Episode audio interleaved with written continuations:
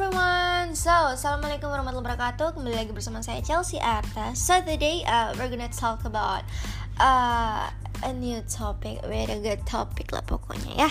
So I think I'm going to discuss about um children. You know what? What is the meaning of children? Ya, yeah, children is uh, anak-anak. iya, jadi hari ini kita bakalan membahas topik tentang anak-anak.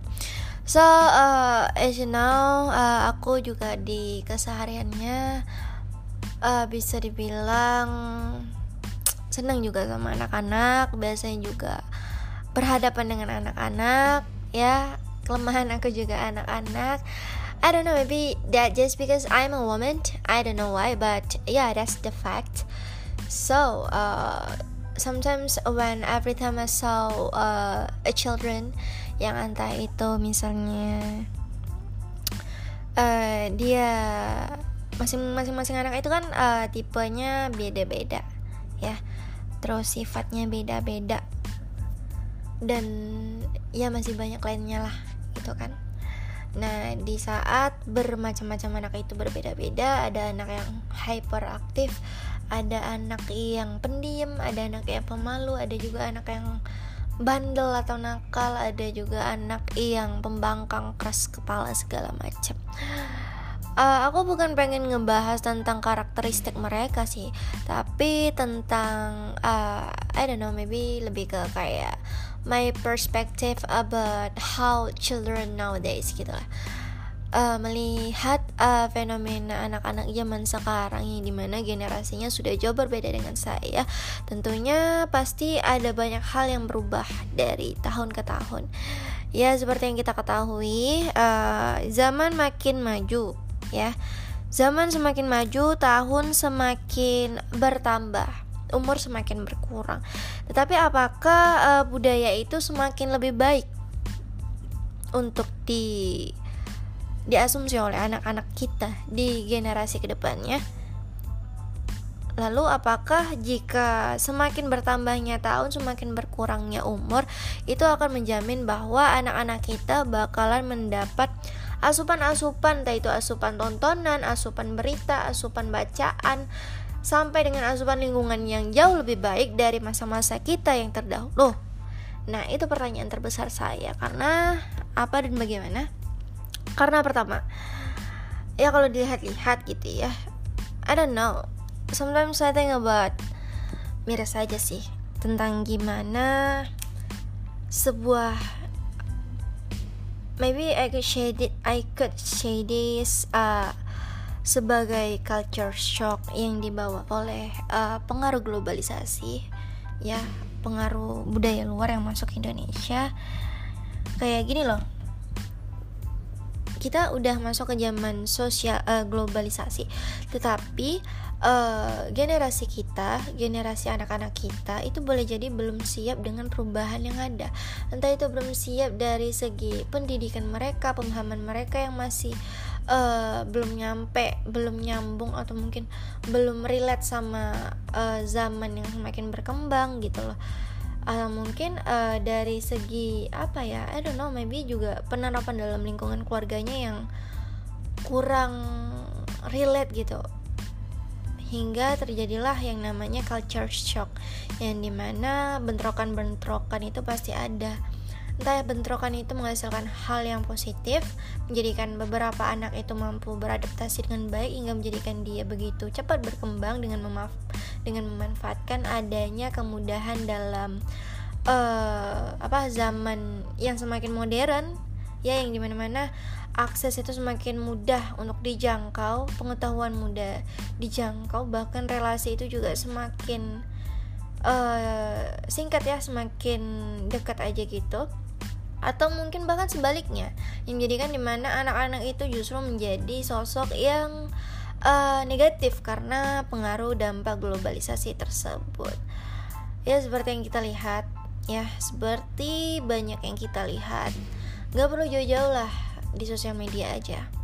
I don't know why sometimes I think about kenapa sih bisa gitu anak-anak kecil yang maybe umurnya sekitaran 12 tahun uh, 10 sampai 12 tahun mungkin. 10 sampai 15 tahun. Yang di mana kita bisa bilang bisa katakanlah itu anak di bawah umur. Tapi dari tingkahnya, dari gaya bicaranya, tingkah laku dan perilakunya itu tidak sama sekali menunjukkan bahwa dia adalah seorang anak-anak di bawah umur. As you know, uh, tentang apa yang sering beredar atau viral di masyarakat ialah sebuah konten yang di mana di situ banyak uh, didominasi cukup banyak didominasi oleh anak-anak kecil ya. Anak-anak kecil yang memang di bawah umur gitu loh. Ya yeah, I don't know. Simple things seperti anak-anak yang mungkin ya kadang aku juga pernah sih ngeliat video di mana uh, anak-anak kecil ini bertingkah tidak seharusnya. Kayak bertingkah tidak pada tempatnya juga iya bertingkah tidak sesuai pada umurnya juga iya. Kayak contohnya mereka bisa memperagakan hal-hal yang uh, bisa kita katakanlah itu tidak sempatasnya anak di umur segitu seperti itu gitu. Kayak misalnya I'm sorry so sorry but I have to say this. Contohnya seperti ya banyak tuh video yang beredar di mana anak-anak kecil mampu memperagakan uh, uh, uh, aduh. Udah gimana sih nyebutnya? Kayak eh, model-model gaya-gaya hubungan seksual yang di mana tidak sempatasnya mereka contohkan ya karena memang belum umurnya untuk mengenal itu gitu loh.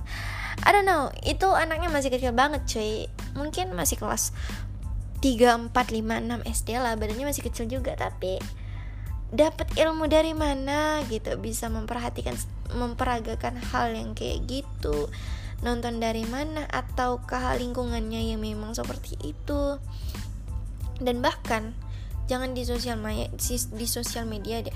Kadang juga di in reality life aku juga menemukan anak-anak yang memang dia tuh di bawah umur terus pembangkang lisannya juga kasar dan bener-bener keras banget gitu loh. Bener-bener kayak nggak bisa diatur.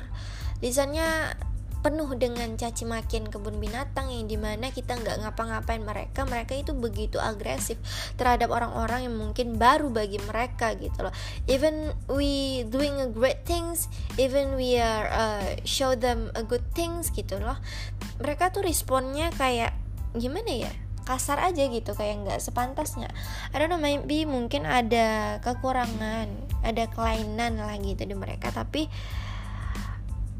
aku yang lebih aku pertanyakan itu gimana cara orang tua mereka mendidik mereka gitu loh atau mungkin bahkan lingkungan mereka ini seperti apa hingga mereka bisa menjadi anak yang tumbuh besar kasar seperti ini gitu loh kadang ngeri aja gitu.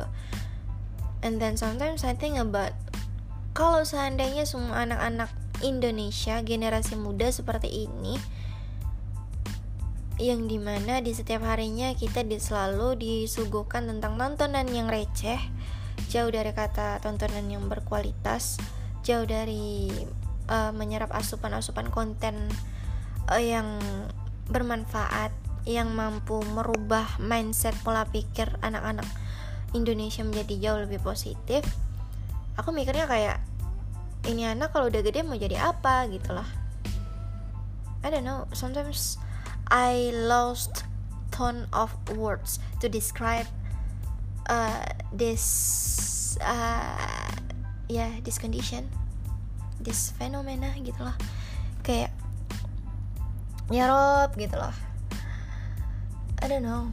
Apakah orang tuanya itu uh, melahirkan anak sekedar punya anakkah tanpa berpikir panjang tentang kayak contohnya anak ini investasi pertama gue loh. Kayak anak ini tuh an adalah sebuah titipan loh. Gue harus mendidik anak ini gimana nantinya dia jadi orang sukses bermanfaat bagi keluarga negara bangsa agama dan sebagainya gitu loh apakah orang tua tuh dari sebelum bikin itu nggak mikirin gitu loh visi misinya bikin anak itu apa.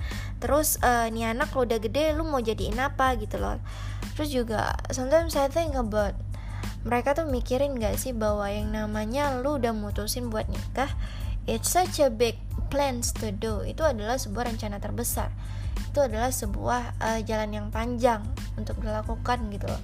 Apalagi di saat kita memutuskan untuk uh, memiliki anak atau memiliki keturunan itu amanahnya justru jauh lebih besar ketimbang kita sekedar menikah. Karena di saat seorang anak itu tidak berhasil kita didik dengan baik hingga pada akhirnya dia jatuh ke dalam lingkungan yang salah pergaulan yang salah, pergaulan yang bebas sehingga menjadikan dia buruk ya sehingga menjadikan dia begitu buruk uh, menjadikan dia memiliki masa depan yang suram pendidikannya juga kurang nggak mampu menjadi anak yang bermanfaat bagi keluarga, agama, bangsa, bahkan dan negara ya hisapnya juga berat di orang tua gitu loh cuy I don't know. Maybe aku rasa ya ketimbang Indonesia ini nggak usah ngomong Indonesia sih ketimbang kita ini sibuk mikirin uh, pengen nikah I'm sorry to say that walaupun memang faktanya semua perempuan semua orang pengen menikah termasuk saya juga tapi alangkah lebih baiknya kita terlebih dahulu mengedukasi diri kita pertama Sanggupkah kita menjalankan ibadah terpanjang yaitu menikah? Kedua, sanggupkah kita menanggung beban yang paling berat yaitu di saat kita menjadi orang tua? Ketiga, mampukah kita menjaga amanah terindah yang dititipkan oleh Tuhan kepada kita yang di mana kita harus mendidik dan membesarkan seorang anak hingga dia menjadi anak yang berguna bermanfaat bagi bangsa, negara, agama, bukan keluarga gitu ya. Hingga menjadi sesuatu yang memang seharusnya gitu. Menjadi investasi terbaik bagi kita.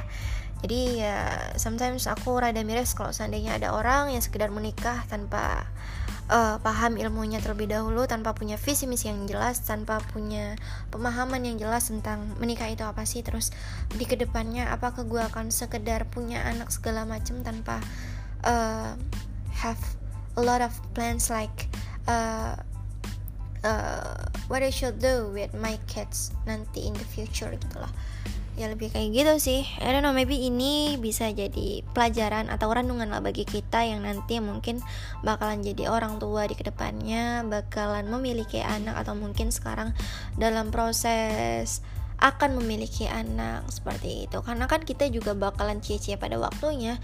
So I think it's it's not a big fault, it's not a mistake if I talk about this right now. Karena ini juga merupakan hal yang kita kudu ketahui ya.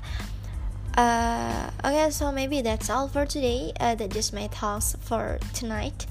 I'm Chelsea Arta. Thanks for listening this podcast. Semoga kita bisa berjumpa di podcast selanjutnya. Ya, yeah, don't forget to share this post. Sorry lah tah. Don't forget to share this podcast. Uh, Jazakumullah khair. Assalamualaikum warahmatullahi wabarakatuh. Bye. Ya, yeah, cool.